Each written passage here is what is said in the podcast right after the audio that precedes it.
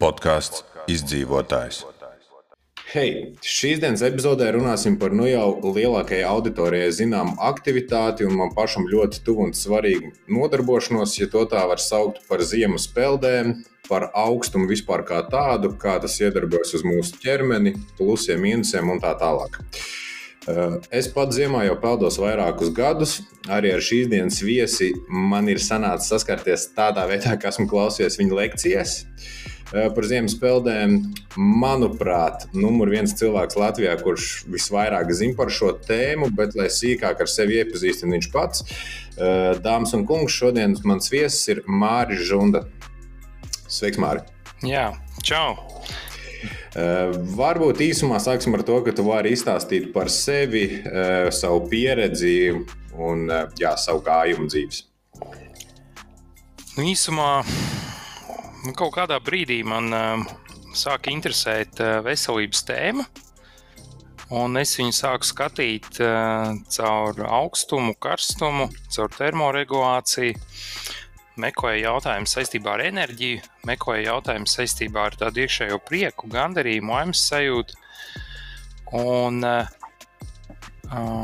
nu, pa ceļam izdevās izveidot rudīšanās skolu, kurai jau tagad būs aptuveni desmit gadi pagājuši pa ceļam izdevās izveidot, eh, pamainīt izpratni par augstumu rūtīšanos vispār Latvijā. Es teiktu, pacelt viņu jaunā līmenī. Um, jā, bet, nu, principā tāda privāta interese bija. Pirms tam es darbojos IT nozarē, strādāju oficiālā, gan pats biju kā darbinieks, gan uh, vadīju cilvēkus. Tā kā principā tā pieredze tāda daudzpusīga. Esmu strādājis valsts sektorā, privātpersonu sektorā, uzņēmējdarbībā, nu, un turpinu šobrīd attīstīt veselības jomu Latvijā. Okay. Varbūt ķersimies uzreiz pie lietas par rūtīšanos. Tu pieminēji rūtīšanās skola. Varbūt tādai plašākajai auditorijai saprotamākā veidā, kas vispār ir rūtīšanās? Labs jautājums patiesībā, un uh, tas ir tas, ko es arī mēģinu cilvēkiem skaidrot, ka rudīšanās ir um, sistemātiska, visbiežāk nervu sistēmas un sirds asinsvadu sistēmas, um, varētu teikt, kairināšana, jeb trenēšana. Un, uh, tie veidi, kā mēs to darām, ir ļoti dažādi. Tātad, pēc rudīšanās definīcijas, tā ir miedarbība ar dabu, apkārtējo vidi, Tas nozīmē gaisa, saule, temperatūra, karstums, augstums, zeme, ūdens. Uh, un uzreiz varu pateikt, nu, tāds spoilers, uh, ziemas peldes un auņģis uh, definīcijā netiek pieminēti. Tāpēc, ka uh, tas ir augstas intensitātes uh, vingrinājums, bet uh, rūtīšanās definīcija ir preventīva, profilaktiska. Uh, metodika vai metožu kopums, tā skaitā arī fiziskie vingrinājumi, tiek pieskaitīti dabā pie rudīšanās. Un pamatā jā, tā ir miedarbība ar jau esošo vidi, kura ir pieejama visiem. Un nevajag meklēt uh, obligāti ziemas peldi un auņģi. Un, uh, jā, nu tā būtu tāda īsā versija, oficiāla. Ok, uh, protams, mums tā ši, šīs dienas tēma būs vairāk tieši par šo ziemas peldēšanu, bet tad tā pāris kaut kādas versijas, kādas vēl ir cilvēkiem iespējas uh, rūdīties. Rūdīšanās iekrīt kategorijā pozitīvais stress. Uh, medicīniski to sauc par hormēzi. Tātad, jebkas, kur mēs pakļaujam organismu kaut kādam stresoram, organisms adaptējās, un kļūst spēcīgāks. Tātad tā ir tā spēja adaptēties.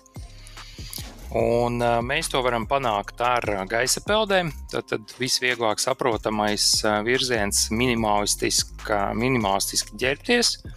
Mēs to varam panākt ar paspēdošanu. Tātad, tas ir vēl viens virziens. Mēs to varam panākt ar kontrastu dušu vai uh, vienkārši ķermeņa pakļaušanu kontrastiem, tātad augstums, karstums, pēdas, plaukstas. Mēs to varam panākt arī ar zemu temperatūru guļamistabā, guļot zem siltas segas.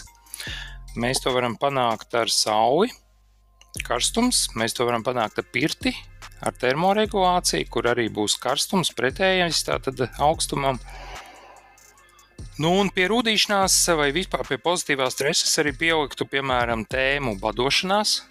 Tā tad arī ir spēja adaptēties, spēja organismam um, izdzīvot uh, grūtos apstākļos un arī kļūt spēcīgākam, nogalinot kaut kādas neveselīgās uh, zombiju šūnas, kuras veidojas organismā, kuras nākas barot, bet pie badojoties vai pakļaujot ķermeni tēmai rūtīšanās, jeb hormēzē, jeb pozitīvam stresam, nu, mēs varam tādā veidā ķermeni stiprināt. Nu, šie būtu, laikam, šobrīd arī ar elpas aizturu, starp citu, tas ir tas, ko es ar Vimhof metodiku mācu.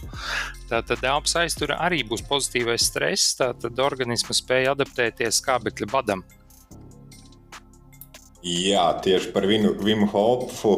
Uh, tas gan tu ne, nedaudz paliec uz priekšu, bet, ja tu jau pieminēji, tad uh, Es, protams, esmu lasījis diezgan daudz par viņu, esmu diezgan daudz interesējies. Tavā iespējā atzīšos, gan varbūt var ieskatīt skatītājiem, kas viņš ir un kāda ir bijusi tā tava pieredze. Jo es zinu, ka tu arī pie viņa bijis viņa nometnēs un, un, un ar viņu personīgi saticies un kopā darbojies.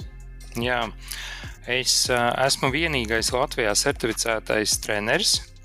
Pirmais Eiropā, pirmais pasaulē. Un aptuveni pirms desmit gadi man sākās šī pieredze. Tad, kad es arī meklēju risinājumus saistībā ar savu veselību, kaut kādā veidā Mims Hofs Facebookā man uzpeldēja, kur mans draugs padalījās ar šo viņa rekordu, vienu no kārtējiem, kur viņš nosēdēja ledainā ūdenī. Nu, toreiz es neatceros, varbūt tā bija stunda, bet nu, tas gala rezultāts bija kaut kāds divas stundas, pat viņš bija nosēdējis. Tad, tad tas viens no rekordiem. Nu, un tad, eh, principā, nepagāja ilgs laiks, nezinu, vai tie bija pāris mēneši vai varbūt eh, daži mēneši, un eh, es devos uz Poliju pie viņa. Tad Nims Hofs ir cilvēks, kurš pierādījis, ka caur, caur augstumu, caur prāta stāvokli var ietekmēt imunitāti, Un tas ir fiksēts asins ainās. Šobrīd jau ir veikti vairāki pētījumi, ne tikai ar Vimu Hofu sākotnēji, kur viņu uzskatīja vairāk par tādu šarotānu vai kaut kādu jocīgu džeku, kurš tur taisa rekordus. Tad šobrīd tā ir metodika, kas tiešām palīdz cilvēkiem ātri un efektīvi atgūties ar jautājumiem saistībā ar stresu, ar nemieru, ar trauksmi jo metodika iekļauj dinamisku elpošanas vingrinājumu, kas izveicams specifiskā veidā un drošā vidē, un arī augstums. Un šie divi efektīvie virzieni ir sakombinēti kopā, un nu, tā teikt, viņi sit pa galvu.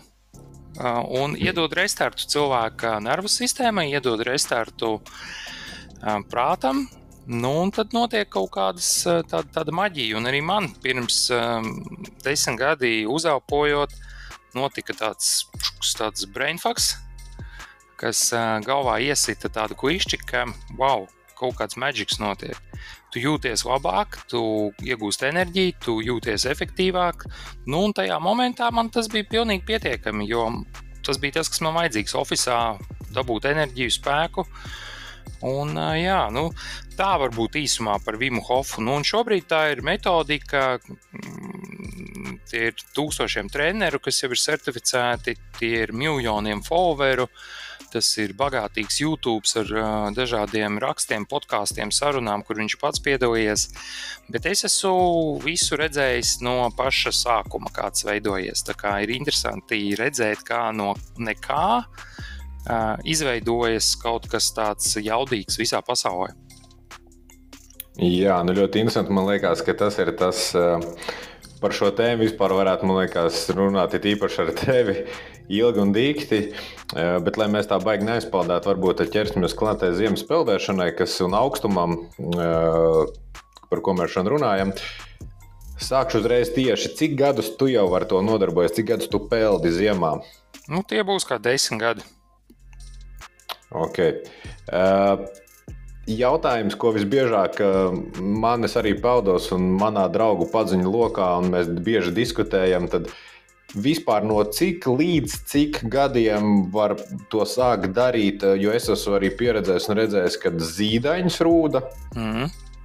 Un vai tas, vai tas ir labi, no cik teiksim, ir prātīgi apsvērt, vai tur nezinu, bērni, pusauģi jau patstāvīgi to dara, vai vecāki klātbūtnē kopā ar vecākiem. Un varbūt ir arī nu, kaut kādā jau pensijas vecumā, kā, kā ir tas um, mm -hmm. vecums, vecuma diapazons. Nu, ja mēs ņemam to definīciju, ko es iepriekš teicu, tad eh, principā rudīšanās ir eh, Latvijas apstākļos pieejama nepārtraukti. Tā, tad, eh, tā miedarbība ar dabu, augstumu, vēsumu, sniegu, vēju visu laiku notiek. Līdz ar to, ja mēs pieejam apzināti, tad arī tādai miedarbībai ar ūdeni, vēsu ūdeni un augstu ūdeni, tad bērni ir visadaptīvākie šim procesam viņiem tā fizioloģija un vielmaiņa ir tik efektīva, ka viņi var ar zilām opām būt ūdenī un ieiet iekšā un darboties. Ja mēs runājam par vadainu ūdeni, tad bērniem lielāko problēmu sagādā vecāki un sabiedrības stereotipi par to baili, ka kaut kas var notikt. Tātad tas ir tas veselības jautājums, ar ko es pats arī bieži vien saskaros ar šiem jautājumiem. Tātad, un tāpēc arī es daudz plašāk skatos uz tēmu rūdīšanās Tāpēc, ka nu, man ir rudīšanās skola, es mācu cilvēkus, man ir jāņem vērā visi riski. Un, un rudīšanās vien neatbild uz visiem jautājumiem, kā būt veselam. Bet viņa ir ļoti efektīva metodika, kas palīdz uh, nostiprināt imunitāti, ķermeņa darbību, smadzeņu darbību, fizioloģiju, psiholoģiju un daudz ko citu. Um, es teiktu, ka tas ir um, pieejams um, visiem, jebkurā vecumā, bet tā kā tā sabiedrības, tas veselības stāvoklis ir tāds, kā lai pasaka, tāds pašvaks, es teiktu, tad uh, visus mēs tur neredzam. Tad visus mēs neredzam ūdenī, visus mēs arī tavā, tavā draugu paziņu okā tur redzi. Visdrīzāk tie ir patiesībā daži cilvēki, kas sadūšojās, un uh, lielākā daļa nu, tur neaiziet. Uh, Um, senioriem jāņem vērā ir viss, kas saistīts ar chroniskām slimībām, tātad jau fons ar veselību. Um, bērniem parasti mēs baidamies par, par uh, vecāku, bieži vien baidās. Pieaugušiem uh, jauniešiem varbūt būtu vieglāk tam pievērsties un darboties, bet uh, nu, tāpatās mēs ņemam vērā riskus, cik smagi jau mēs esam visu salaiduši tūtā veģetatīvā distonija, mentālās saslimšanas, dažādas sirds asinsvadu kaitas, kuras šobrīd ir, viņas, viņas nu, nosacīti ir riska zonā. Bet viņas tieši tikpat ir riska zonā, vai es varu iet uz sporta zāli, taisīt augstas intensitātes treniņus. Jo ziemeļspēle augstums principā ir uz kaut kādu mirkli augsta intensitāte. Un, ja mēs to stresoru nespējam pārvarēt, tad kaut kas var notikt. Nu, manā pieredzē tie cilvēki, kas nav gatavi viņu uz to ziemas peldi un auliņu vispār nenonāk un neiet arī pie manis uz treniņiem, cilvēki nebrauc uh, uh, tie, kas nav gatavi. Uh, jo viņi paši apzinās, ka nu, pašam būs jāiet, pašam būs jādara. Un, uh, nu, nav tā, ka es tur turu rociņu, un, ja es arī turētu rociņu, tad tas jau neko nemaina principā mēs individuāli saskaramies ar to augstumu. Un tāpēc Vims Hofs arī ļoti bieži saka, ka augstums ir, ir es nezinu, kā latviešu to iztūkot, bet righteous, tāds patiess vai, vai, vai, vai, vai nu, viņš ļoti daudz ko māca un parāda par mums, cik mēs fiziski, emocionāli esam spēcīgi, ko mēs varam, ko mēs nevaram. Tā kā es teiktu, ka tas ir viss tas dzīvesveids, kā es viņu uztveru, ir pieejams visiem. Tas ir fakts bet daudzi viņu neizmanto un uh, baidās un negūst labumus, ko varētu iegūt no visa šī dzīvesveida, rudīšanās, ziemas peldēm un augstu ūdens. Ok, bet nu, tā konkrētāk tieši par vecumu. Tas nozīmē, ka arī mazi bērni tur, nu, ja, piemēram, mēs savām acīm redzējām, ka zīdaini iemērts ledēnā ūdenī. Man pirmais, protams, arī bija tāds šoks. Un, eh, protams, tad es sapratu, okay, kas tur varētu būt slikts vai nav slikts. Bet lielos vilcienos tas nozīmē, ka, nu, ja to dara ar prātu, saprātu, tur nevajag uztraukties un zvanīt bā, bāriņu tiesai no kaut ko tam līdzīga. Nē, nu, lielākā problēma ir tas, ka iespējams zīdainis neapzinās. Es nezinu, es laikam īpaši nemērķu zīdaini. Es uh, es zīdaiņiem un bērniem parasti piedāvāju miedarbību pirtī. Tāpēc, ka tur var ar vannīti, ar augstu ūdeni un uzreiz siltumu spēlēties. Un to, to, un mums, mums ļoti liela varbūt, nu, mums ļoti paveicies, ka mums ir tā pirts kultūra un pirtniecība Latvijā. Un līdz ar to tur tās tēmas, miedarbība un kontrasterapija ar ūdeni jau ir dabīgi iestrādāts. Um, ir jāuzmanās no tā, lai bērni negūst psiholoģisko traumu. Tātad, nu, es nezinu, es neesmu redzējis, ka zīdaiņus, kas nerunā, tur baigi mērķis vadainā ūdenī vai kaut ko tādu dara. Vanno remdenā ūdenī tas ir nu, rekomendēts vienmēr no ārstiem. Uh, ar bērniem ir tā, ka es parasti saku, ka lai vecāki paši no sākuma ieiet, un tad ar piemēru, vai viņi paši to grib pamēģināt. Jo tā um, jo liekas, stress mums īsti nav vajadzīgs. Mums tas, ko es mācu, lai mēs ar mieru, ar miera praksēm uh, saprotam šo pieredzi. Jo nu, savādāk tur ir riski. Jā. Nu, kādu vienu pāris traumas var dabūt. Nu, nekas. Vēlāk, vēlāk izārstēs. ok. Uh, nākamais jautājums, kas man šķiet ir vissvarīgākais tiem, kas to nekad nav darījuši, un tāds varbūt, uh, kas attur viņus, ir kā to vispār sākt. Mm. Tīri praktiski. Labi, viens ir, es arī saprotu, ka tad, kad es to sāku, tev pašam tam jānogatavojās, tev ir jāsaprot, ka tu to gribi, nu, vai vienkārši varbūt citu to dari spontāni. Bet praktiski, kā to sākt darīt, kad sākt iet, vai tas ir augusts, mm. cik ilgi un tā tālāk. Okay. Jā, labs jautājums. Eh, vis, visizplatītākais. Manā pieredzē tas, tie, tie ceļi, kā sākt, ir visdažādākie. Ziniet, kā 2 plus 2 ir 4, 3 plus 1 arī ir 4, 10 minus 6 arī ir 4 un 2 reizes 2 arī ir 4. Nu, lūk, pēc šīs e, pieredzes var teikt, ka es esmu redzējis visdažādākos risinājumus, bet tas, ko tu pats sākotnēji minēji, ir pats pats svarīgākais. Tātad mentāli izlemt, ka man tas interesē, tad atrast vismaz vienu, kāpēc, kāpēc man to vajag. Vai tā ir enerģija, vai tā ir imūnsistēma, vai manā gadījumā man viens no argumentiem bija, ka man jau sāka besīt tas augstums Latvijā nu, tik ļoti, ka es sāku domāt, bāc, kaut kā baigi neveselīgi, nu, šī nebūs labi. Uh, jāatrod ir viens iemesls, kāpēc, un uh, tas ir viens virziens, tātad kāpēc. Otrs virziens, nu, tāda tipiskā tehnoloģija ir pakāpeniski. Mēs vienkārši pieradinām sevi pie kontrastiem. Tas var būt caur pirti, ļoti psiholoģiski viegli patiesībā, caur saunu, karstumu. Um, caur kontrastu dušām, pēdām, plaukstām, tad mēs vispār miedarbojamies. Tas ir, tas ir vieglais variants. Nu, var pakāpeniski sākt uh, vasarā vai augustā vai jebkurā laikā, kad mēs to izlemjam. Nu, un tad turpināt to darboties, iet ūdenī, novērot sevi, skatīties, kā fiziski, emocionāli es jūtos, kā mainos es, kā mainās pasaule apkārt. Nu, šīs tās tēmas, kas man interesē no visas tās prakses, ja mēs kaut ko darām, tas ir tāpēc, ka es mainos. Tā tad ir kaut kāds transformācijas process. Arī ejot uz sporta zāli, skaties spoguli vai nezinu, mēri bicīti vai uh, skaties, cik tā tur svars ir un tā tālāk. Arī ar augstumu mēs varam izvirzīt daudz labus kritērijus, kas varbūt saistīti ar to, cik mierīgi es jūtos, cik labi es guļu, cik satraukts vai stresains es jūtos kaut kādās stresa situācijās un tā tālāk.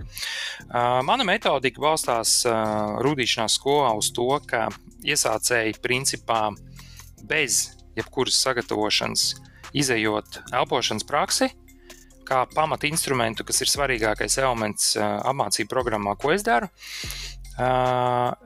Cilvēks uz minūti līdz divām bez iepriekšējas pieredzes ledainā ūdenī vai augstā ūdenī, kas ir tuvu 0 grādiem, var ieiet, pasēdēt, ielikt rokas un mierīgi iziet ārā.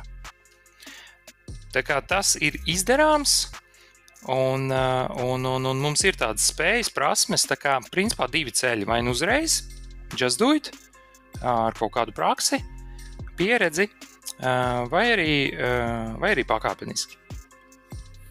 Ok, tu jau arī pieskāries par šo telpošanu, to nomierināšanos. Tie, kas peldās, tie to saprot. Lielākā daļa, es domāju, nesaprot, kāds ir, kad iekāp tajā ledēnā ūdenī un tev aizstās elpa un pēkšņi šoks. Kāds ir tas, kā lai pareizāk pajautā, tas vēlamais ilgums vai ko maina tas, vai tu nosēdi minūti, piecas, desmit, jo, nu, teiksim, ar laiku jau tu elpojot, um, nomierinies salīdzinoši ātri. Nu, tu, ja tu to spēj, es uztrenēju. Un kāda, kāda ir labuma, vai cik ilgi ir jāsēž pēc tam? Jo es personīgi varu mm. nosēdēt no 5 līdz 10 un 11 minūtēm, pat esmu sēdējis, bet mm. kāds ir labums no tā visa? Mm -hmm. Nu, ir dažādi pētījumi, apkopojumi, kur uh, tām sekundēm un minūtēm ir nozīme. Iesācējiem es parasti rekomendēju pārvarēt to šoku un nonākt līdz um, mierīgai elpai. Un elpot caur degunu, ieelpa izelpa, sinhroni ieelpa izelpa. Un tas viens no mērķiem iesācējiem ir uh, pēc iespējas saīsināt to šoka momentu un pēc iespējas ātrāk nomierināties. Sākotnēji, nu, fizioloģiski mans novērojums, ka tas var būt no 10 līdz nu, 30 sekundēm, varbūt 20. Bet aptuveni tāds ir tas periods, kurā cilvēks nomierinās. Un tā pirmā pieredze vai pirmās pieredzes tieši šajā momentā ir pašas būtiskākās, tāpēc ka mēs saprotam, ka mums ir spēja ar elpu kontrolēt savu nervu sistēmu. Un stresa situācijā, kur apzināti mēs ejam augstumā vai ledainā ūdenī, mēs to apgūstam, nostiprinam. Un šī prasme ir viena no top prasmēm, kas mums ir nepieciešama ikdienā, jebkurā nestandarta dzīves situācijā, kad kaut kas pēkšņi notiek. Turpmākās sekundes ir um, Dažādi pētījumi rāda, ka hormonālā sistēma pamostās aptuveni minūtes laikā. Adrenalīns, tur noradrenalīns ļoti ātri tur pamostās, bet uh, tas miera stāvoklis un, un, un kaut kāds līdzsvars balans, teiksim, grozās ap 60 sekundēm. Tas ir otra, tā ir otra mana rekomendācija, ko es saku iesācējiem. Principā es nomierinājies 10, 20, 30 sekundes, it's enough. Tas ir pietiekami. Man ir viens tāds noteikums, ko es esmu priekš sevis sapratis. Principā droši ir sēdēt tik, cik ir ūdens temperatūra. Tas ir viens tāds aspekts, piemēram, ja temperatūra ziemā patiesībā ūdenim ir 1 grāds, tad minūte. 4 grādi, pasēžam 4 minūtes. Es skatos, ka šī rekomendācija labi strādā, tur ir kaut kāds tāds drošības spilvens. Nu, 20 minūtes nav jēga sēdēt, bet, eh, ja mēs runājam par ziemas peldēm, tad ledājums ūdens sākas aptuveni no 6 grādi. Kā, tas būtu, manuprāt, ļoti adekvāts laiks vai amplitūda, kurā darboties. Desmit minūtes un vairāk manā personīgajā pieredzē ir tādas, ka mēs jau ejam uz tādu kā sacensību režīmu un visdrīzāk patērēsim daudz vairāk nekā iegūsim. Un vai to vajag reizi nedēļā, vai katru svētdienu, vai katru sestdienu, man pieredze rāda, ka drīzāk nevajag. Kad drīzāk vajag kaut kādu, nezinu, minūti, divas, trīs, četras, piecas, super, un intervāli ikdienā ar kaut kādiem kontrastiem, dušu, ka mēs integrējam līdzīgi kā sporta zālē. Mums ir augstas intensitātes treniņš, mums ir zemes un vidējs. Un tieši pēc tāda paša principa es rekomendētu arī pieiet šai kontrasta pieredzēji rūtīšanās dzīvesveidam. Uh, ir pētījumi, kas pasaka, ka dopamīns pieaug par 250%, un mēs dabūjam tādu kā gribas spēka, uh, devu un motivāciju darboties. Tas notiek aptuveni no minūtes līdz divām. Ir analīze par to, ka tur adrenalīns pieaug, noradrenalīns. Nu, un, kad jau ir riski, nu, principā pie desmit minūtēm tur potenciāli varētu sākties riski. Vēl viens iemesls minūtēm ir galvenais pieņemt šo dzīvesveidu ne tā kā sportu, jo kāpēc man patīk šī praksa, viņa ir arī kā apziņotības praksa. Mums ir jāsajūt ķermenis. Ja tu slikti vakar gulēji, tad augstums tev parādīs, nebūs labi rezultāti. Tieši tas pats arī sporta zālē notiks. Tā kā jāņem vērā, ka mums ir jāiepazīst savu ķermenis un jāsaprot, ka tam ir cēloņa seku likuma sakarība. Ja vakar es nezinu, pieēdos vai slikti gulēju vai vēl kaut kas notika, nu tad rītdien no rīta visdrīzāk mana darba spēja būs zemāka. Un tāpēc nu, minūtēm es bieži vien saku diapazonu. Es teiktu, ir kategorija līdz divām minūtēm iesācējs, divas līdz pieci un pieci līdz desmit. Ot, tie būtu tādi trīs līmeņi, kurus es pats esmu izdomājis, pieredzējis, sapratis, ka tas būtu labs tāds kaut kāds rāmis, kurā darboties. Ok, un uh, tu pieskāries arī biežumam, tad uh, tas, ko tu rekomendētu, uh, Un arī noteikti pieredzē balstīts, cik bieži tā ir reize nedēļā, divas reizes nedēļā, katru dienu, un kāda ir plusi mīnus, vai to dara katru dienu, gan jau tur ir kaut kāda starpība tam visam. Nu, īpaši tai augstuma tēmai patiesībā pētījumu nav daudz. Tāpat kā pirtī un karstumam. Nu, ja skatīties tā zinātniski, piekļūt, tad uh, ir arī kontroversāla informācija, kā kuros brīžos tas uh, palīdz, vai kuros brīžos tas um, kaut kādu mazina uh, efektivitāti. Um, mana praktiskā pieredze un nedaudz arī viss tā pētījuma bāze, kas man galvā ir, es teiktu tā, ka reizi nedēļā ir ledaina pieredze minūte līdz divas. Nu, un tad savas divas līdz četras reizes nedēļā ir vienkārši kontrasta spēle ar ūdeni. Tā ir duša, tā var būt pirts. Bet būtiskākais, ko es parasti mācu un dalos, ja mums ir kaut kas ar augstumu, tad es rekomendēju, ka tikpat daudz mums ir jāieliek arī karstums. Tāpēc es tās pirts tēmas bieži vien cilāju. Ja vienreiz ledains ūdens, tad es rekomendētu, ka ļoti būtiski ir eh, arī kaut kāda karstuma pieredze vai pirts pieredze dabūt. Um, vēl viena versija var būt arī, ka minimāli es teiktu, ka priekš tāda uh, fizioloģiskā efekta ķermenis atcerās arī rezultātu, ja mēs vienreiz divās nedēļās ejam. Es atminos vienu pētījumu, kur tieši tā arī bija, ka nu, kaut kādā 5. un 7. dienā tas uh, rezultāts, kas asinīs bija uzpumpēts, viņš sāk mazināties. Tas ir saistīts ar imūnsistēmas aktivizēšanu. Un, līdz ar to es teiktu, ka minimāli reizi nedēļā tādu augstas intensitātes šoku var iedot ķermenim, bet arī būs ok reizi divās nedēļās. To es varu atbalstīt. Ja mazāk, tad es teiktu, ka jau mēs sākam slinkot, ka kaut kas nav ok. Ka jau, jau tie efekti varētu nebūt tik labi. Nu, manā pieredzē arī ir. Uh Jo ilgāk, ja tā pauzīte nu, virs jau divām nedēļām, pašam morāli jau pēc tam ir grūtāk. Jā. Ja tas īpaši jau ir janvāris, kad viss ir aizsāls, nevis kā tagad, kad vēl nav ledus. Mm. Un kad ir, kad ir ārāds augstums janvārī, tad pēc divu nedēļu pauzes vai trīs vēl vairāk, tad ir pašam ļoti grūti un ļoti jāgrib ielīst tajā aliņģī. Jā, un te tu pieminīji faktu, kas ir psiholoģija. Kāpēc daudz izmanto augstumu saistībā ar sasniegumiem, biznesa attīstību. Tāpēc, ka tas ir par sasniegumiem, tas ir par rezultātu, tas ir par to, ka mēs darām, nu, tagad es daru grūtas lietas, lai vēlāk man būtu vieglāk. Un šis aspekts man ir īpaši patīk visā tajā nodarbē.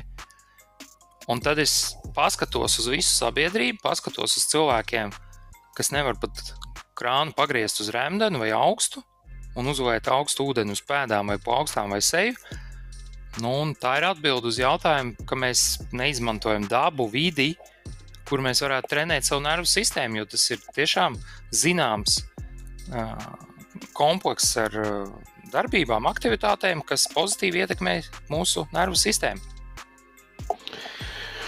Okay. Tālāk pie tādām ļoti praktiskām lietām, jau par pašu peldēšanu. Mm. Es atceros, jo es tavu lekciju klausījos ļoti, ļoti sen tā bija. Es viņu toreiz klausījos attālināti, tas bija um, internetā. Un toreiz tu ļoti interesanti stāstīji par, par, par starpību, kas notiek, kad mēs ejam ūdenī. Uh, Restīvi, tas jautājums ir par galvas mērkšanu vai nemērkšanu, un ka tās ir tomēr bišķiņi, tur ir starpības starp to, kā ar visu ķermenis reaģē un nervu sistēmu, un kas notiek, kad tu galvu vienmēr ūdenī, un vai to darīt, un kā to darīt, un tā tālāk. Es pats tādās publiskās ziemas peldēs pat nemērcēju galvu. Tur ir cepure. Es galvu trenēju saunā, pirtī ar augstu ūdeni. Un, līdz ar to iesācējiem es vispār nerekomendēju spēlēties galvu un mērcēt viņu. Ja īpaši ir daži kadri, kam galva ir īpaši uztrenēta, tad mēs varam to darīt. Būtiskākais, kad mēs ejam iekšā, nu, te ir jāskatās no tāda riska viedokļa. Tad teikt, kājas organismam ir tur nav svarīgs. Tiekam līdz vēderam, krūšu kurvim, sirds. Un tad, kad mēs lēnām ejam iekšā, mēs varam pamanīt, ka mūsos elpa mainīsies. Elpa būs tas spogulis, kurš parādīs, tu kaut kur iegrimsti te dziļāk, dziļāk, dziļāk. Un, ja tu noķer vēl, ielaid bišķi kaklu dziļāk un noķer bišķi augsts asins galvai, tad tev arī būs tāds sprādziens makaronu fabrikā. Es to esmu piedzīvojis, zinu, ko tas nozīmē. Gan kalnos, um, ejot uz tādiem uh, puspuļkiem, uh, pārgājieniem ar, ar Vimu Hofu, gan atsevišķi organizējot, gan arī esmu pats uh, jūrā, vējā sasopinājis seju, galvu. Un zinu, ko nozīmē, ka augstas asinis nonāk smadzenēs. Tas ir halucinācijas, tā ir tāda dezorientācija vidē, Un tas ir tas risks, no kā mēs gribam izvairīties. Um, ir būtiski trenēt seju, paņemt ūdeni un augstu ūdeni vai dušu liet virsū.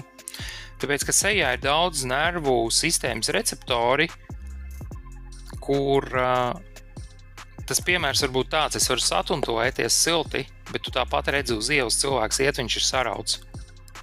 Tāpēc, ka seja ir tas, tas orgāns vai tā vide, kura ir pakļauta vējam. Un tāpēc sanāk, ka caur šo organismu un uzreiz smadzenes saņem signālu kaut kāds stress, kaut kāds stress. Jo organisms domā, nu, augstums ir briesmas, augstums ir nāve. Tāpēc, ka ja tu nosausti, ja tu tur aizmiedz, ja tev kājas augstas, ja tev tas viss ir stresors organismam. Bet ja tu to satrenē, tad tu esi spēcīgs. Tad tu esi jaudīgs, un tas ir tas, ko Vimskovs pierāda. Tas ir tas, ko pierāda daudz ziemas peldētāji, nezinu, roņi, lāči, pingvīni, visādi dzīvnieki un cilvēku veidīgie. Mm, jā, tā kā tā, kā tā galvas mēgšana ir svarīga pirtī. Tur ir atsevišķs stāsts, ka mums ir nepieciešams, tad, kad mēs kāpjam iekšā ūdenī pēc pirts, asins sāk pūst uz augšu, jo asinsvadi sašaurinās, un līdz ar to sanāk tie spiedieni un saspringums uz galvu, un tas bieži vien rada to diskomfortu vai to, to, to pēcsajūtu pēc tam. Bet ziemas peldē mums to nevajag. Mums nevajag vēl papildus uh, dzēsēt galvu. Jā. Uh, tu jau arī pieskāries arī citiem orgāniem, respektīvi Eh, jautājums, divi jautājumi uzreiz varbūt. Eh, pirmais ir par kājām un pēdām, eh, jo ļoti daudz arī es izmantoju šādu, un tad ir īpaši, kad jau rīktīgi aliņģī lien, tad izmantoju šos neoprēnu zābaciņus. Vai to darīt vai nedarīt, un kādas varbūt ir plus vai mīnusi, ja viņus neizmanto, jo man personīgi vienkārši ir ļoti pēdas ātri sāk sāpēt. Un vienkārši, nu, teiksim, es pats, ja jūtu, ka ķermeni, vispārējais ķermenis vēl grib nu, sēdēt ūdenī, labprāt, nu, bez problēmām tur tās minūtes tur sēž, tad pēdas jau daudz ātrāk tā kā, tā teikt, atsakās. Un otrs arī par plaukstām, jo ļoti daudz ir, kas eh, plaukst nemērts. Eh, tur ārā, cimdos ar vai bez cimdiem, eh, kā ir ar pēdām un rokām. Jā, šis ir arī labs jautājums, um, kas parāda mūsu vājās vietas uh, arī uh, sabiedrībā. Um, slikti apziņota roka, sēdēšana, vertikāls stāvoklis un um, neefektīva pēda. vai nefunkcionāla pēda. Un tas ir saistīts ar asensriti. Un līdz ar to arī es uh, sākotnēji izmantoju tos uh, zābaciņus. Principā pat es saku, ka nevajag neoprēnu, var jebkurus parastos, jo viņi uz 5 līdz 10% kaut kādā mērā sajūtās, uh, palīdz vieglāk um, to pieredzi iegūt. Sākotnēji rekomendēju, bet uh, tieši tāpēc arī rūtīšanās skolā ir atsevišķa baspēdošanas izaicinājums izveidots ar vienu mērķi Tāpēc, ka pēda atsevišķi ir jātrenē kā svarīga funkcija, un no pēdas sākas visa stāja, un tur ļoti daudz nervu gauji. Un, kā, tur ir jātur tā robeža. Mērķis ļoti vienkāršs. Lai tu varētu bez šiem zābaciņiem ilgtermiņā darboties. Bet sākotnēji kamēr tā pēda nav adaptēta, tas var aizņemt vienu, divas, varbūt, varbūt trīs sezonas, vai arī tas, kā tu saki, varbūt īpaši ledainās vai augstās reizēs, tu, kad ārā ir mīnusi, nu es teiktu, mīnus 10, mīnus 20, tad tas tiešām ir izaicinoši. Jo tu izēj ārā uzreiz, tur nu, baigi savalkās tie pirksti, tas tā Jā. varētu būt. Bet uh, tieši tāpēc mums arī ir jāstiprina, jāstrādā ar pēdu atsevišķi. Tas ir, tas ir mana rekomendācija. Tā kā mana attieksme pret zābaciņiem ir pozitīva. Labāk slikts plāns nekā es sēžu ārā un domāju, ai, man pēda, es neiešu iekšā. Labāk darīt. Ķermenis to var iz, teikt, izturēt, to, kā tu arī minēji. Bet atceramies, ka pēdu tā tad atsevišķi trenējam, mērķis ir bez. Attiecībā par rokām, nu, mana praktiskā pieredze rāda, ka cimdus nevajag tā tehnoloģija, ko es esmu iemācījis cilvēkiem, un redzēt, ka to viņi arī izmanto, ir mēs plaukstus varam ielikt padusēs. Un nu, bieži vien ir tā sajūta, ka viņas arī izceļot ārā ir silts. Siltāks nekā. Un tas ir tas, kā mēs varam regulēt, varbūt arī to pišķiņu temperatūru. Tieši tāpat, tāpatās mēs varam dziļumu regulēt ēdus. Nu, tā mana pieeja ir pasēdēt, ja gribās peldēt, mēs pēc tam varam peldēt. Galvenais ir nomierināt telpu, nomierināt ķermeni un tad, uh, tad doties peldē. Jo, un tad tās rokas patiesībā iemērkt. Es rekomendētu rokas iemērkt kaut vai uz dažām sekundēm. Jo, nu, tā teikt, es esmu iekāpis ūdenī, nu, kāpēc neizmantot to? Tas būtu tā, nu, tā teikt Tā rūtīšanās tā arī sākās. Jā. Ar dažām sekundēm, pēc Jā. tam vairāk, vairāk, vairāk, kamēr, kamēr pie tā pierod. Jā, un plaukstē ir tieši tā pati problēma. Teiksim, no visas sēdēšanas asins rita šeit. Cilvēki, nu jā, viņi sastopās ar to, ka ir balsti, balti pirksti kaut kur tur uz kājām, plaukstām. Man arī bija problēmas kādreiz ar eh, plaukstām un pēdām. Šobrīd ir nu, ļoti, ļoti labi. Ļoti, ļoti labi. Es gribētu, varbūt, vēl ķūnēt, bet eh, nu, arī tas ir kā treniņš. Kā, es, es ļoti daudzpusīgi darbojos ar veselību, ar visādām tēmām. Eh, man tas laiks ir ierobežots arī. Cik daudz es gribu ķūnēt tur vienu muskuli. Jo rudīšanās principā ķūnē vienu muskuli. Es esmu nosēdējis 11 minūtes auliņģī. Um, nav man nekādu šaubu, ka es varu arī 15 un 20 nosēdēt. Uh, jautājums, vai vajag? Man personīgi, kā, redzot rekordus, kas pasaulē ir uzstādīti, arī cilvēki arī ūdenī nosēdējuši divas stundas. Nu, arī man pazīstami treneri no Vimhofa komunas. Nu, līdz ar to nu, man, es neesmu tāds sporta cilvēks. Es mācu vairāk tādu pratību, izpratni, bet, ja kāds grib to sportu paņemt, nu, tad tur, tur, tur katrai niansēji detaļa. Katram pirkstiņam, vai viņš ir uzkačāts vai nav, būs nozīme. Jā. Mm. Uh, runājot par sportu, vēl viena nianses, ko man ir bieži jautājuši, un ko es tā kā, nu, es parasti izstāstu to, to, kā es tā daru, kā es to daru, bet uh, kā tu redzi un skaties par iesildīšanos pirms kāpšanas ūdenī. Es personīgi varu pateikt, ka es, piemēram, man neprasās pirms tam tur pumpēties, tupties, vai vēl nezinu, vēl kaut kādas lielākas fiziskas aktivitātes, skriet vai kaut ko. Es esmu pēc skriešanas ziemā, tā kā kāpjas iekšā, bet uh, Man neprasās pēc tā, bet ir cilvēki, kas ir arī bieži peldos, un tad, uh, kad nāk citi peldētāji, tad uh, tur sāk pumpēties, skriet apkārt vēl kaut ko. Kā ir īstenībā no tavas pieredzes, un kā vajag vai nevajag? Jā, nu te arī ir uh, dažādi risinājumi, bet nu, tādi jau lielie bloki ir tādi. Ideālā bilde ir mājas apstākļos izvingroties siltumā un dabūt vienkārši daudz elastīgāku uh, visu ķermeni. Un, ja mēs varam tur, nezinu, 20, 60 minūšu laikā aizbraukt uz ziemas peldi, tas būs visefektīvākais. Tad mājās, siltos apstākļos, izmasēties, nezinu, izrūvēties, uh, kādu jogas praksi uztaisīt, vai tā tālāk. Tas būs visefektīvāk, jo siltumā čūskas asins vada izpošās, muskuļi atbrīvojas, asins arī uzlabojās. Tā būtu pati ideālākā versija, manuprāt.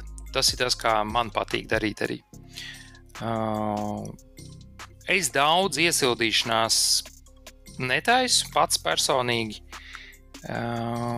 Un neta, ne, nemēģinu uzkarsēt to ķermeni tik ļoti, lai tas kontrasts iešanai iekšā būtu vēl lielāks. Respektīvi, tur sasvīst, un iet iekšā. Tā dara cilvēki, daži pēc skriešanas iet iekšā peldēt.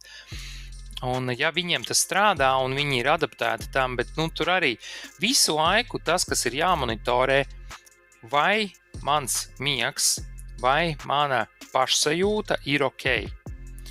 Tāpēc, ka miegs ir ātrā atbildes reakcija, kā jūtas mans nervu sistēma. Un augstums mega kairina to, un tāpēc ir būtiski saprast, vai nav kaut kur pa daudz tie līdzsvari, nu, disbalansi kaut kur. Um, arī atkarīgs no tā, kāda ir ārā temperatūra. Ja ārā ir mīnus 20, tur var ārā dīdīties, cik gribi, tev ne, nekas nepalīdzēs. Citreiz es izēju no peldes, superīgs laiks, nezinu, pat nezinu, 0 grādi vai pat mīnus grādos dažreiz ir tik sauss gaiss, ka tev ir ļoti komfortabli, nezinu, paskraidīt, pakustēties, saulīte spīd bez vēja.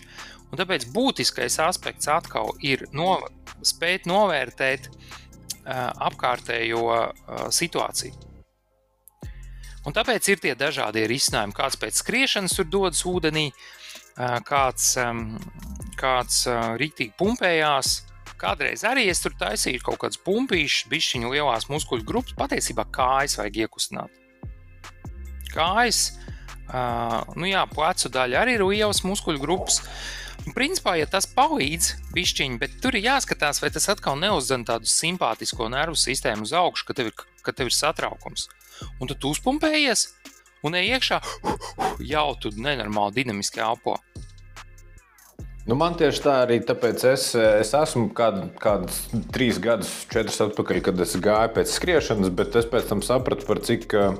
Nu, tomēr es uzskatu, ka es jau esmu sevi uztrenējis tajā kaut līdz kaut kādam līmenim, tad es to vairāk kā tādu meditāciju man nav nepieciešams liek sevi uzkarsēt. Un, mm. Es teiksim, mēju, es mierīgi ieeju, un man neprasās vispār nekādas fiziskās aktivitātes pirms tam.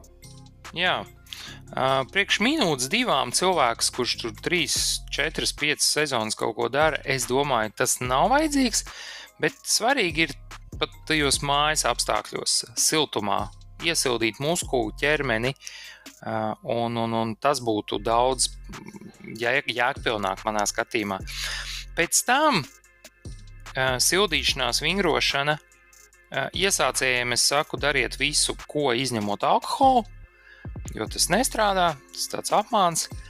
Uh, un tāpēc tur var taisīt, ja var pumpīšus, vai kustēties, vai skriet, vai nezinu, rokas kustināt, tad skatoties, kā, kas, kas tur jāuzsilda un ko vajag darīt. Uh, vai nu vienkārši saģērbjamies, un tad kustamies no sākuma, saģērbjamies, un tad iekustinam ķermeni. Var padzert tēju, var ļoti dažādi. Es kādreiz taisīju tējas, nu tagad es vairs netaisu. Nu, nav, nav vairs tev vajadzīgs kaut kāds ārējais sildītājs. Ķermenis pats jau spēj sasildīties, adaptēties, nav vairs tas nedrebūs, nav vairs tas kaut kāds efekts, kas ir pēc tam, kas tev traucē pārvietoties. Tāpēc, jā, Nu, nu es arī varu ieteikt to silto tēju. Iesākumā es noteikti, man personīgi vienmēr bija slinkums viņu taisīt, jo es pārsvarēju peldēties agri no rīta, un es mm. neesmu rīta cilvēks, lai es vēl celtos tēju termosā paspētu taisīt. Bet, kad kaut kādi draugi kādreiz vai brīvdienās, kad vēlāk iet ir uztaisīt, tad ļoti forši, ka tu pēc tam vari iedzert. Tīpaši, ja tu esi iesācējis tajā, tad tas eh, kaut kādā veidā palīdz un, un, un, un palīdz pēc tam sasildīties. Jā, nu sildošās tējas, ko var ieteikt, ir viss, kas, eh, piemēram, to pašu var ne tēju, bet pat uh, kaut vai ingveru ūdeni sagriezt. Ingvers ar ūdeni. Tad silts ūdens ar ingveru, tāpēc ka ingvers pats par sevi ceļ temperatūru. Viņš bija aktivizē to ķermeni. Tā kā tas ir viens triks, ko var izmantot. Uh, labi, ejot tālāk, man ir jautājums, kas man personīgi interesē. Uh, Un es zinu, ka ir vēl cilvēki, kuriem tā ir pēc augstuma peldēm, un es to pārbaudījis dažādākajās valstīs, pie, nu, pie dažādākiem ūdeņ, ūdeņiem, uh, nieze pēc peldas. Tieši pēc augstuma, pēc augsta ūdens eh, mm. sākās nieze. Uh, vai tev ir bijusi pieredze, kādēļ tas tā varētu būt un kā ar to tikt galā? Šis ir labs jautājums. Rēts, ļoti rēts, bet viņš ir jau tāds medicīnisks dabas, kur ir divas atbildes. Viens ir atkarīgs no ūdens kvalitātes, bakteriālā līmeņa, bet tas, manuprāt, vairāk attiecās uz tādu siltāku ūdeni, nu, remdenāku ūdeni. Es neesmu pierīt piedzīvojis, ka kāds sūdzētos, ka tieši ledainos ūdeņos ejot kaut kas tāds parādās. Esmu reti dzirdējis tādas pieredzes. Otrs variants, ka tas varētu būt saistīts ar rezultāts vai efekts nervu sistēmai. Nu, kaut kāds kairinājums un uh, nervu sistēmas reakcija. Kā mēs to varam saprast, vai tas ir pozitīvi vai nepozitīvi? Nu, principā pāris reizes padarbojoties, ja tas pāriet, tad organisms ir pieadaptējies, un ja tas nepāriet, tad tas atkal ir fantastisks uh, zvaniņš, kas notiek ar nervu sistēmu, vai kas notiek ar ķermeni, ar asinsrites sistēmu, kāpēc organisms šādi reaģē. Jo tas nozīmē, ka viņš ikdienā no vēsuma sajūt kaut ko līdzīgu, bet ne uz desmitnieku no smaguma viedokļa, bet uz viennieku. Tas nozīmē, ka varētu būt kaut kādi iekaisuma procesi fonā, kaut kādi, kaut kādi alergēni var būt fonā, kurus mēs vienkārši ikdienā nepamanām. Un tas ir atkal tas stāsts, ka augstums izkristalizē dažādas funkcijas vai vājības mūsu ķermenī vai prātā. Es uz to skatos tā, o, oh, super!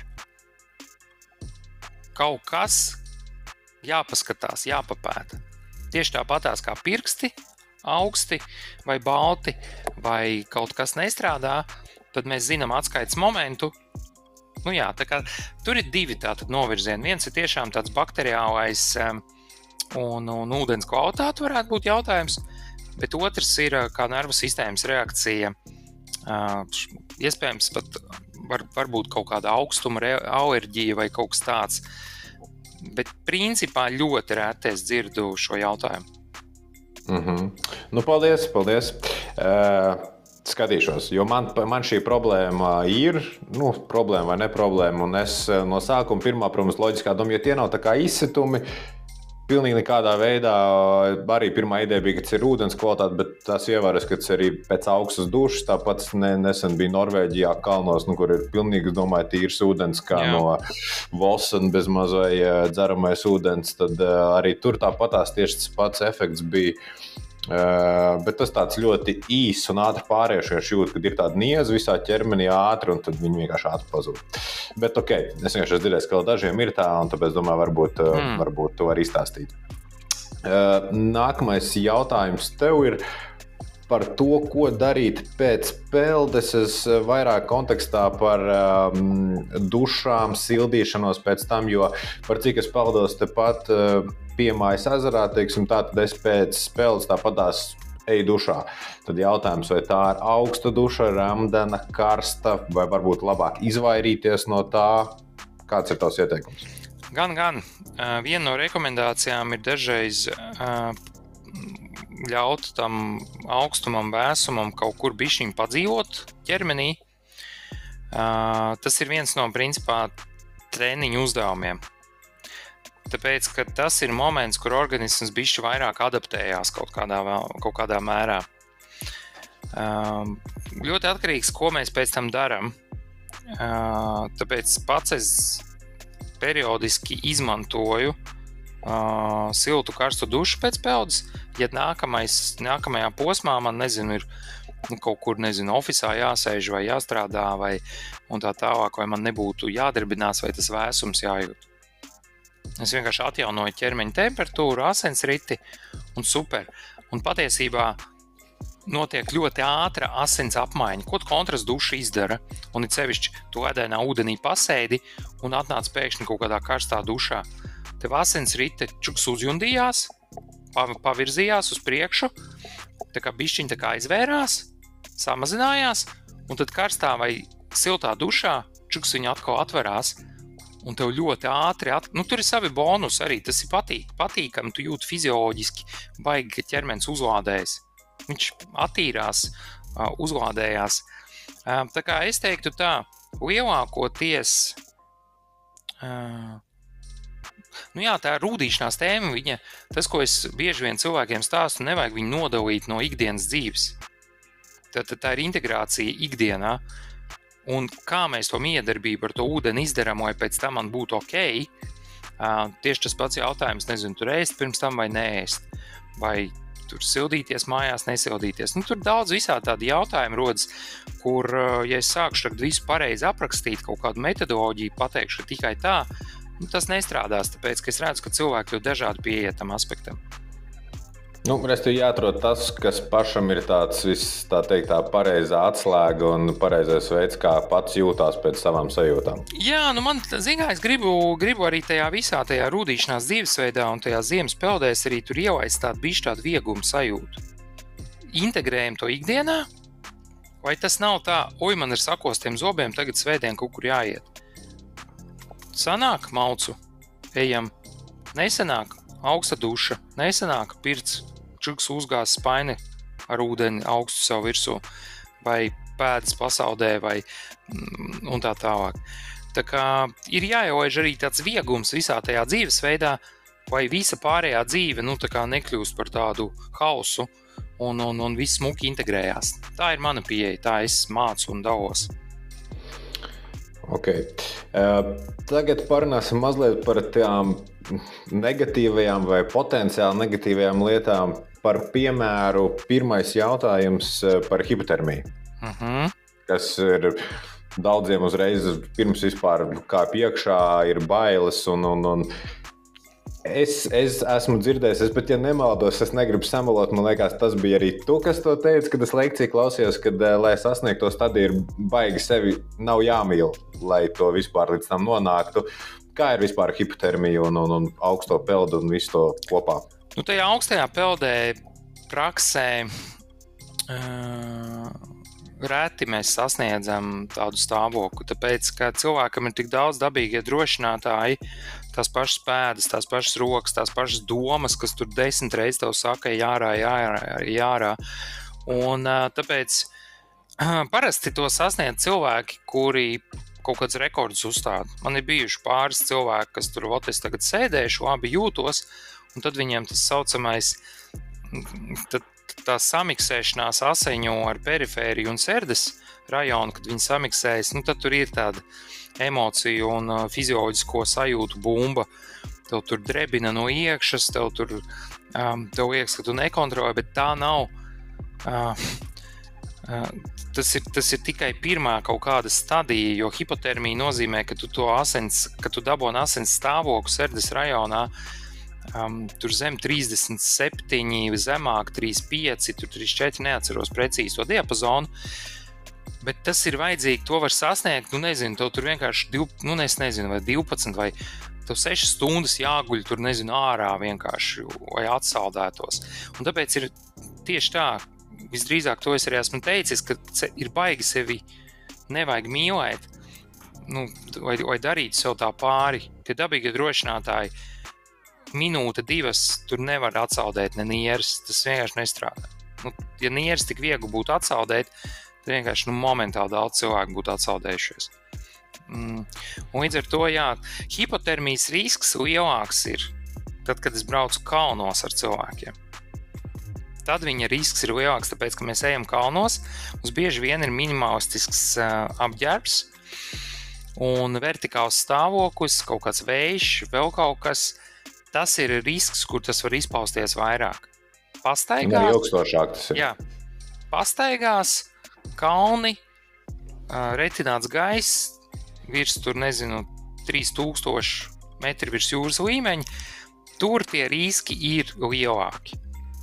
Bet uz peldi es redzu, ka tas, nu, man tā pieeja ir, saku, es bišķiņ varētu arī tā filozofiski pieiet tam aspektam, es vēl, vēlreiz atkārtošos.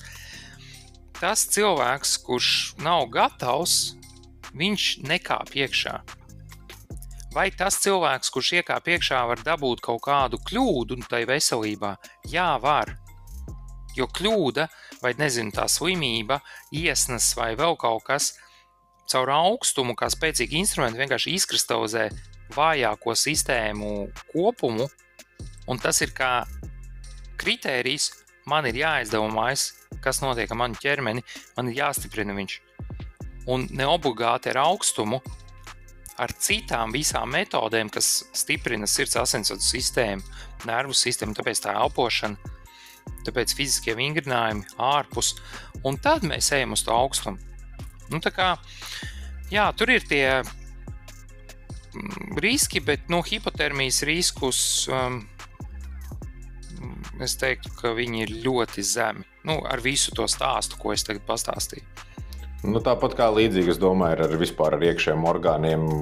Tas ir kā man viens, teiksim, kaut vai arī bieži ir izdzirdēts par gan vīriešu, vīriešu gan sieviešu dzimumu orgāniem un atsaldēšanām vispār. Tad kā man viens ārsts ļoti labi pateica, ka ne jau pavēlēt vīrietim tas viss ir ārā, jo viņam tieši varbūt vajag nedaudz vēsāku temperatūru nekā tas ir ķermenī. Tas ir viens.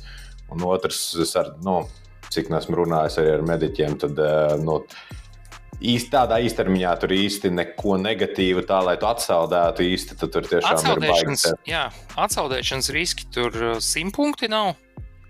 Uh, bet uh, ņemot vērā iegurņa problēmu mūsdienās, dēļ sēdēšanas, dēļ apziņošanas, riski tur ir. Un atkal, te ir divas izvēles iespējas, kur cilvēki bieži vien pieņem lēmumu o, man tur bija urīna ceļa iekaisums, viņš ir nepatīkams, bet viņš patiesībā parāda, ka smalkā mašinērija un iespējams ir sasinsvadu riski, kapilāri mazie, smalkajā iegurnī vispār nefunkcionē. Un to mēs varam vienkārši paskatīties pēc stājas, pēc iegurņa novietojuma, pēc ķermeņa kompozīcijas, un vispār, nu, teiksim tā, to var identificēt. Un mūsdienu cilvēkam sēdēšana kā slimība to iegurnī nu, padara vispār mazkustīgu. Jo kustība visu laiku rada kaut kādu asins riti. Uh, Urīnceļa iekaisums ir iekaisums, kas rodas, tad iekaisums vispār rodas vidēs, kur ir slikta asins rita. Ceļi, ocītavas, karpālais kanāls un tā tālāk. Tā kā atkal jau Bet ir jā, cilvēki un ir ārsti, arī ar kuriem es esmu runājis. Nu, viņi redz to situāciju. Jā, situācija gadās, kad cilvēkiem ir iekaisumi tur. Bet iekaisumus mēs risinām savādāk. Tas ir uzturs, tas ir zarnu trakts, tas ir miegs. Pavisam citas tēmas. Bet atkal tur jau jāatgriežas pie tā, ko tu teici pirms tam. Uh nejaušos iekaisumus un visu tu dabū no tā, ka tu ej peldēt. Bet vienkārši tas ir tas tā lupa, tas eh, mikroskops, kas tev pievelk tuvāk un tu ieraugi to, kad, kad, kad tā ir problēma. Jā, jā tieši tā. Ok. Uh, Jautājumi lēnām iet uz beigām. Man ir pat, uh, godīgi sakot, pēdējais jautājums tikai uh, vairāk no praktiskā viedokļa. Uh, vai tev ir risinājumi un kā tu cīnies ar augstuma peldēm vasarā? Jo es esmu no tiem cilvēkiem, kad es nevaru, nu, man nekādu gandarījumu nesniedz ieiešana ūdenī vasarā. Nu, tā ka pilnīgi nekādu, un arī dušā ūdens temperatūra sasniegt pat īsti. Nu, labi, viņi ir vēsāki, bet ne, ne gana vēsa. Kādi ir izcinājumi? Es tevi saprotu, un uh, es rudens ziemas periodā peldos, nezinu, desmit, desmit, nu, ne desmit, piecas reizes, desmit reizes vairāk kaut kur tā. Jo nav tā gandarījuma, jā. Uh, ko es daru? Es uh, braucu uz kalniem. Man ir Itālijas mācību brauciens, man ir Grūzija, man ir Armēnija. Uh, mēs tur meklējam pišķiņu tādu augstumiņu, um, hikings uh, vasarās, uh, sodza fiziska, kalnu upes. Latvijā es ik pa brīdim man ir noteikums vasarā tāds, ja es braucu kaut kur Sigūdas pusē, caur Sigūdu, es vienmēr braucu uz aužu avotu. Nu tā, tur šortī vai, vai, vai divas mašīnā, vienkārši ieskrienu, čuks aizbraucu, ielienu tur uz minūti, divām, trim, jo tur ir kaut kādi vasarā seši, varbūt septiņi grādi. Kaut ko tas ir fantastiski. Uh, bet, jā, noķert to laiku, kad jūrā ir augsts, man neizdodas, bet patiesībā es arī jau baigi nebraucu nekur sauļoties uz pludmali. Tā kā, jā. Uh, nu jā, tā kā, bet tas, kurš meklē, atrod. Bet iespējams, vasarā ir bišķiņi, var pauzīt, iedot, uh, pasp paspēlēties ar citām tēmām, piemēram, elpošanu, un gatavot ķermeni kaut kādām citām praksēm. Un uh, tikko tā, te, kā, tā vasara Latvijā paiet tik ātri, un rekur jau augustā un septembrī mums tas temperatūra jau ir tik zema, ka jau ir it's, it's good enough. Nu, tas gan jā. Es gan uh, varu iestarpināt, atradu, vēl neesmu saņēmies nopirkt, uh, bet ir arī tagad jau par cik tas tāds diezgan jau globāls trends, tā ziemas peldas un vispārējais ir. Tad uh, ir jau arī, kas ražo šos te, šīs te termoizolētās visādas vannas, un, un, un, un, un, un, un kur var, teiksim, ilgstošāk saglabāt kaut kādu augsto ūdeni. Ir, bet es tiešām praktiski domāju, ka Latvijā tas nav vajadzīgs. Uh, tas ir tas, tas biznesa piedāvājums ir patiesībā Kalifornija, Miami, tur, Portugāla, Spānija. To, tur cilvēki domā risinājums. Viņi nezina, kas ir deviņi mēneši, kad ir uh, rudens lietus un depresīvs latviešu stāvoklis, un, un, un viņiem saulīt spīd. Viņiem patiesībā pētījumi par augstumu ir taisīti vispār temperatūrās 10, 12 grādi. Tur nav ēdainas ūdens. Bet, tā, kad mums pasaka pētījums par augstumu, uzreiz ir priekšā, nu jā, tas tas ladainais ziemā. Bet, mīnus 10 uh, grādi. Jā, jā, jā, un ārā mīnus 10.